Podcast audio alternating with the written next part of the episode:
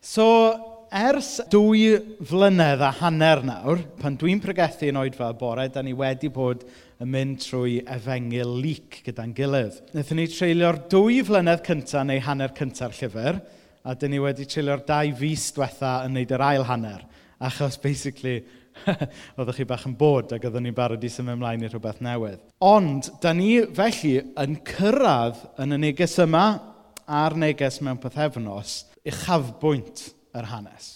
Heddiw, i ni'n cyrraedd croeshoeliad Iesu, a mewn pethefnos byddwn ni'n edrych ar atgyfodiad Iesu. A mewn ffordd, dyma lle mae'r stori gyd yn mynd â ni.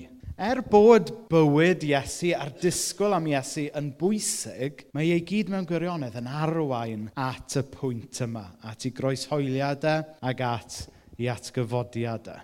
So, ni'n darllen Lyc 23, Reit, Lyc 23, adnod 44.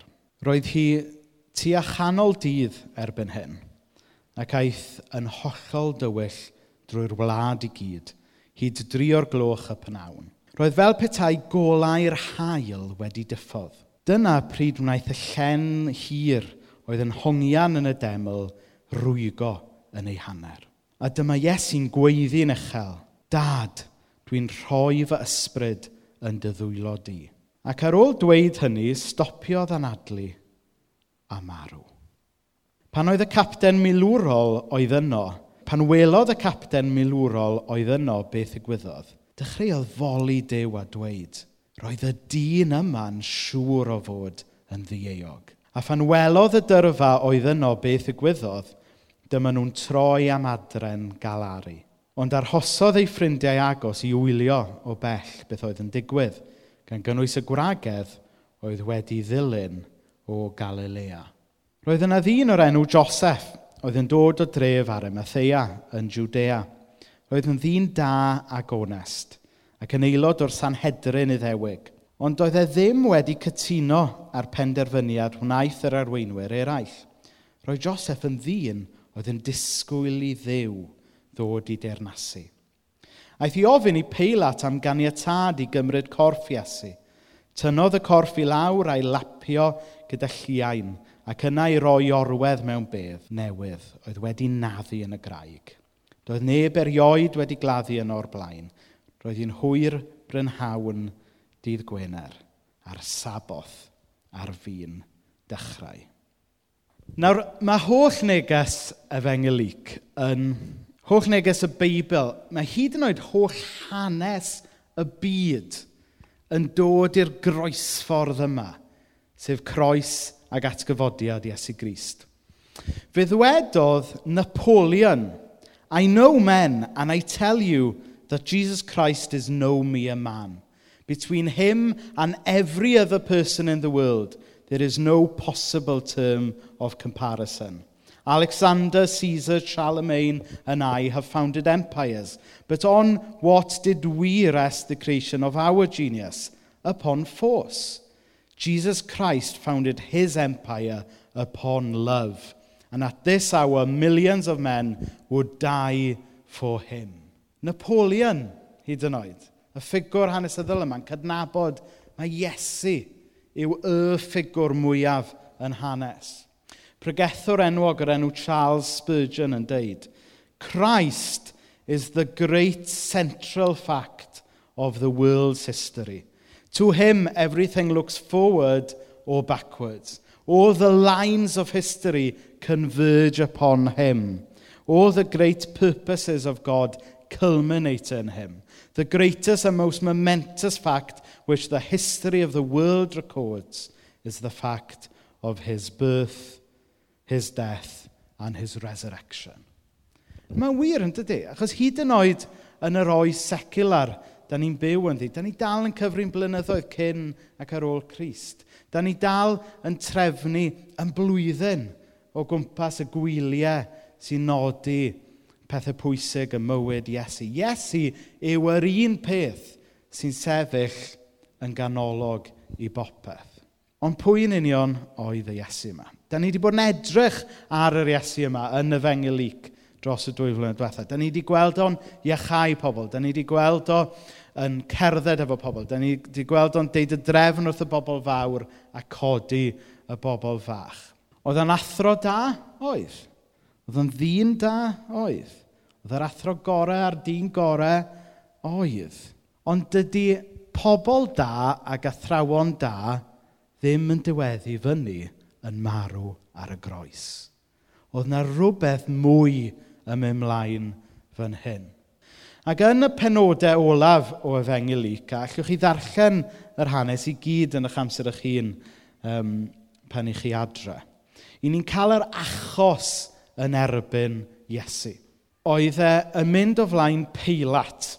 A'r cyhyddiad pan oedd e'n mynd o flaen peilat, oedd e bod e'n rhyw fath o um, chwyldro adwr gwleidyddol. Chybod? Bod e fel rhyw fath o William Wallace, Owain Glyndŵr, chybod, Emyr Llywelyn, neu chybod, pwy, pwy bynnag ydy chwyldro adwyr gwleidyddol yn dydd. Bod e fel rhyw fath o terrorist iddewig. Dyna oedd y cyhyddiad, bod e rhyw sydd jyst yn trio creu rhyw ryfel a rhyw chwildro yn erbyn rhifain. Ond oedd Peilat yn edrych yna fe, gweld, hmm, Dwi'n methu rili really gweld hwn. Wedyn mae e yn mynd wedyn i lys gwahanol. Mae e'n mynd o flaen um, y Sanhedrin. Okay? So'r Sanhedrin, basically, oedd, oedd e fel cyfarfod diaconiad Jerusalem. oedd e fel, oedd yr arweinwyr crefyddol i gyd yn rhan ohono fo. Caiaffas, yr arch o ffeiriad, oedd yn fos arnyn nhw gyd. Ac oedd nhw'n edrych wedyn i weld soedd Iesu wedi torri rhyw gyfraith crefyddol. A oedd e yn eog o gabledd, o gablu, um, blasphemy. A mewn gwirionedd, os oedd Iesu ddim yn pwy oedd e'n dweud oedd e, yna oedd, mi oedd e'n eog o gabledd. Mi oedd e'n eog o blasphemy.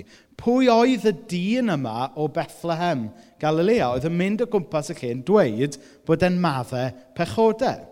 Nawr, dychmygwch tas e un ohonoch chi yn walsa mewn yma bore yma. Cameron fan hyn, nôl o Lerpol. Dychmygwch bod Cameron wedi dychwelyd o Lerpol bore yma. A cerdded rownd y lle a dweud bod e yn gallu madda'ch pechodau chi. Wel, chyfod, byddai'n dweud, ista lawr Cameron.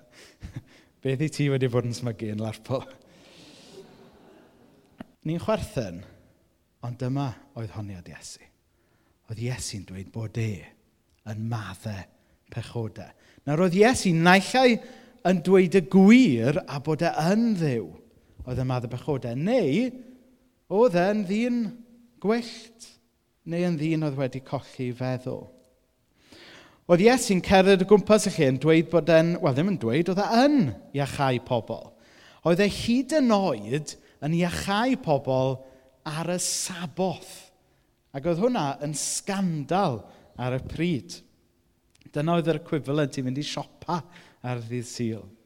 Oedd Iesu mynd o gwmpas y lle yn dweud bod e'n dileu yr hen ddeddfe oedd gyda fe. Oedd e'n dweud clywsoch fel y dywedwyd wrth yr rhai gynt, ond rwy fi yn dweud wrthych bod hi nawr yn wahanol. Pwy oedd yr Iesu yma yn meddwl oedd e? Pwy oedd hwn yn meddwl oedd e? Oedd e dau opsiwn. Oedd e naillai yn pwy oedd e'n dweud oedd e, oedd e naillai yn fab dew ac yn ddiw i hun, neu mi oedd e y cablwr a'r twyllwr a'r scamster mwyaf soffistigedig welodd y byd erioed. A mae gweddill yr hanes ar ôl yr achosion llys yn ddigon cyfarwydd. Mae Iesu Grist yn cael ei ddedfrydu yn eog, mae'r Uh, Mae'r dyrfa yn gweiddi croeshoeliwch ef, a wedyn ni'n cael hanes Iesu'n cael ei groeshoelio. A mae hanes Iesu'n cael ei groeshoelio, mae e bron wedi mynd yn rhy gyfarwydd, dydy, nes bod y stori wedi cael ei sanateiddio rhywuset. Chi'n meddwl, meddyliwch, yn yma lot o grisnogion, ni'n defnyddio'r groes, yn yma croes gyda ni fyna, mae, mae jyst yna, dydy, chybod, bron heb urddas Bron bod e well bod e ddim yna na bod e jyst fel yna. Chi'n gwybod? A wedyn, chyma, mae lot o... Um, a ddim bod fi'n dweud bod hwn yn byth gwael. Um, tyma, mae lot o grisnogion a um, jewelry efo croes anno fe. Rhai, rhai grisnogion efo tatŵs hyd yn oed. A, a croes anno fo, dys dim tatŵ dy fi. Hyd y gwyddoch chi. Ond meddwch am y peth, beth oedd croes oedd dyfais i ladd rhywun, yn dyfa? fel y gilotin, neu'r electric chair, neu'r lethal injection. Meddyliwch am eiliad bod, bod ni'n mynd i rwle o addoliad a bod na gilotin mawr yn ffrant yr eglwys. Neu meddyliwch bod chi'n bwmpio mewn i rhywun ar y stryd a mae gyda nhw rhyw jewelry a mae gyda nhw fel electric chair fyna. Chyfo, hynny, be dwi'n trio cael chi feddwl yw, i ni wedi sanitisio y groes gymaint nes bod ni'n anhofio difrifoldeb yr hyn a ddigwydd i Iesu yn ei groeshoeliad. Da ni wedi mynd i weld y groes jyst fel rhyw fath o symbol bach neis i ni grisnogion. Heb anghofio mae rhwle lle nath Iesu Grist ei hun ddioddau e poen er mwyn dod â rhyddid i'r byd ac i bob un ohono ni. Oedd y rhufeiniad yn bobl cyfraith a threfn – Mae'n siŵr clywn ni dipyn am hynna dros yr wythnosau nesaf gyda'r etholiad. Gwahanol bleidiau yn dadle mae nhw yw'r blaid cyfraith a threfn. Ond oedd yr hyfeiniad yn gwybod e, be o'n nhw'n wneud o ran cyfraith a threfn. A dyna pam wnaethon nhw ddyfeisio y groes fel dill o ladd dros heddwyr. Oherwydd oedd croes hoelio rhywun y ffordd fwyaf difrifol o ladd troseddwr. Oherwydd oedd e'n fwriadol yn dechneg, oedd yn drorio'r peth allan mor hir a phosib. Byddech chi'n disgwyl fydde rhywun falle yn marw o golli gwaed. Ond mae'n debyg oedd rhan fwyaf o bobl oedd yn marw o'r croes, oedd nhw actually'n marw drwy, um, drwy fygu. A oedd, oedd eu corff nhw'n cael eu hongian mewn ffordd, lle nhw'n cael eu cadw'n fyw mor hir a phosib, ond oherwydd y ffordd nhw'n hongian, oedd eu chest nhw'n golygu bod nhw ddim yn gallu cymryd aned y lawn. Felly yn y diwedd, mygu y byddai'r rhan fwyaf. Ac yn drist iawn, oedd, oedd rhai ohonyn nhw fysyn nhw'n hongian ar y groes, rhai am ddwrnodau, a byddai adar yn dechrau pigo ar y corff cyn i'r corff farw hyd yn oed. A dwi ddim jyst yn disgrifio hwn jyst i gael rhyw ymateb a, a, a gwneud i chi deimlo yn, yn horrible cyn cael eich cynio. Ond dwi jyst eisiau ni wir bore yma, jyst tawelu a sobri wrth feddwl am be nath Iesu fynd trwyddo fe. Achos os oes unrhyw un yma yn wyndro, o faint ydy Dyw rili'n really caru fi, neu faint mae Dyw yn caru fi. Edrychwch ar y groes. Dyna faint mae Dyw yn eich caru chi. Mae maint aberth Iesu ar y groes yn rhoi rhyw syniad i ni maint i gariad e tuag ato ni. Nawr yn yr adnodau nes i ddarllen munud yn ôl, i ni'n clywed am y milwr Rhufeinig oedd yna. Pan welodd y capten milwrol oedd yno beth ddigwyddodd, dechreuodd foli dew a dweud, roedd y dyn yma'n siŵr o fod yn ddi eog. Yn y fengil Marc mae'r hanes yn darllen fel hyn. Ond yna dyma Iesu'n gweiddi'n uchel yna stopiodd yn adlu a marw.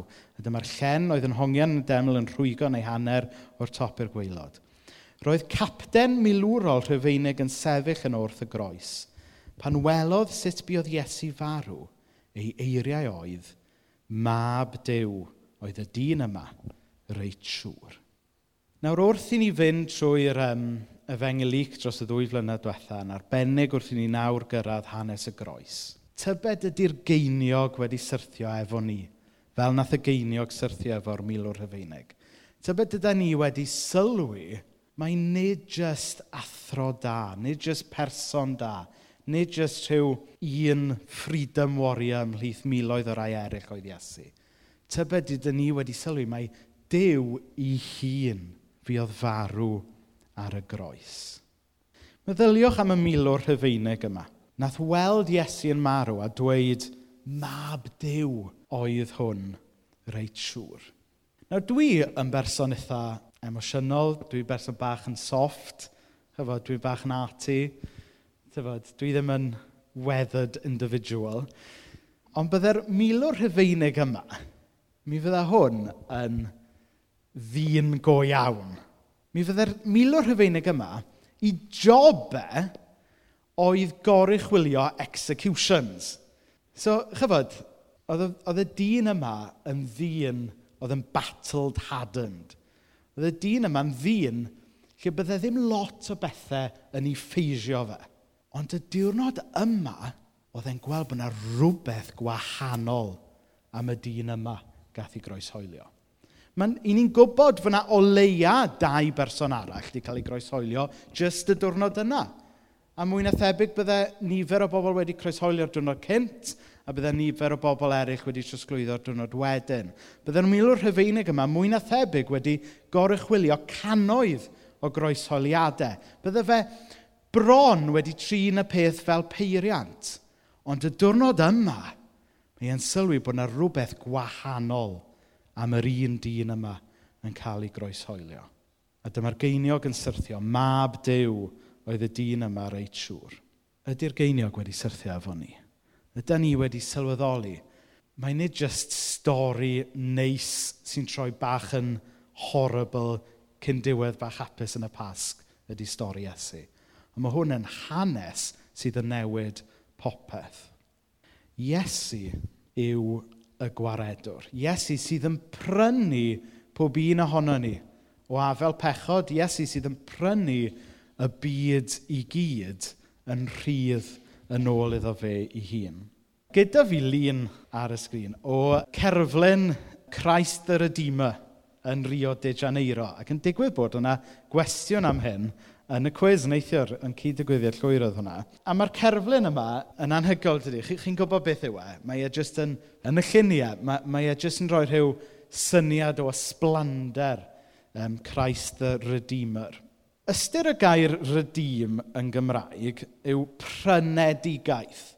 Y syniad fod Iesu drwy farw ar y groes wedi prynu ni yn ôl iddo fe ei hun.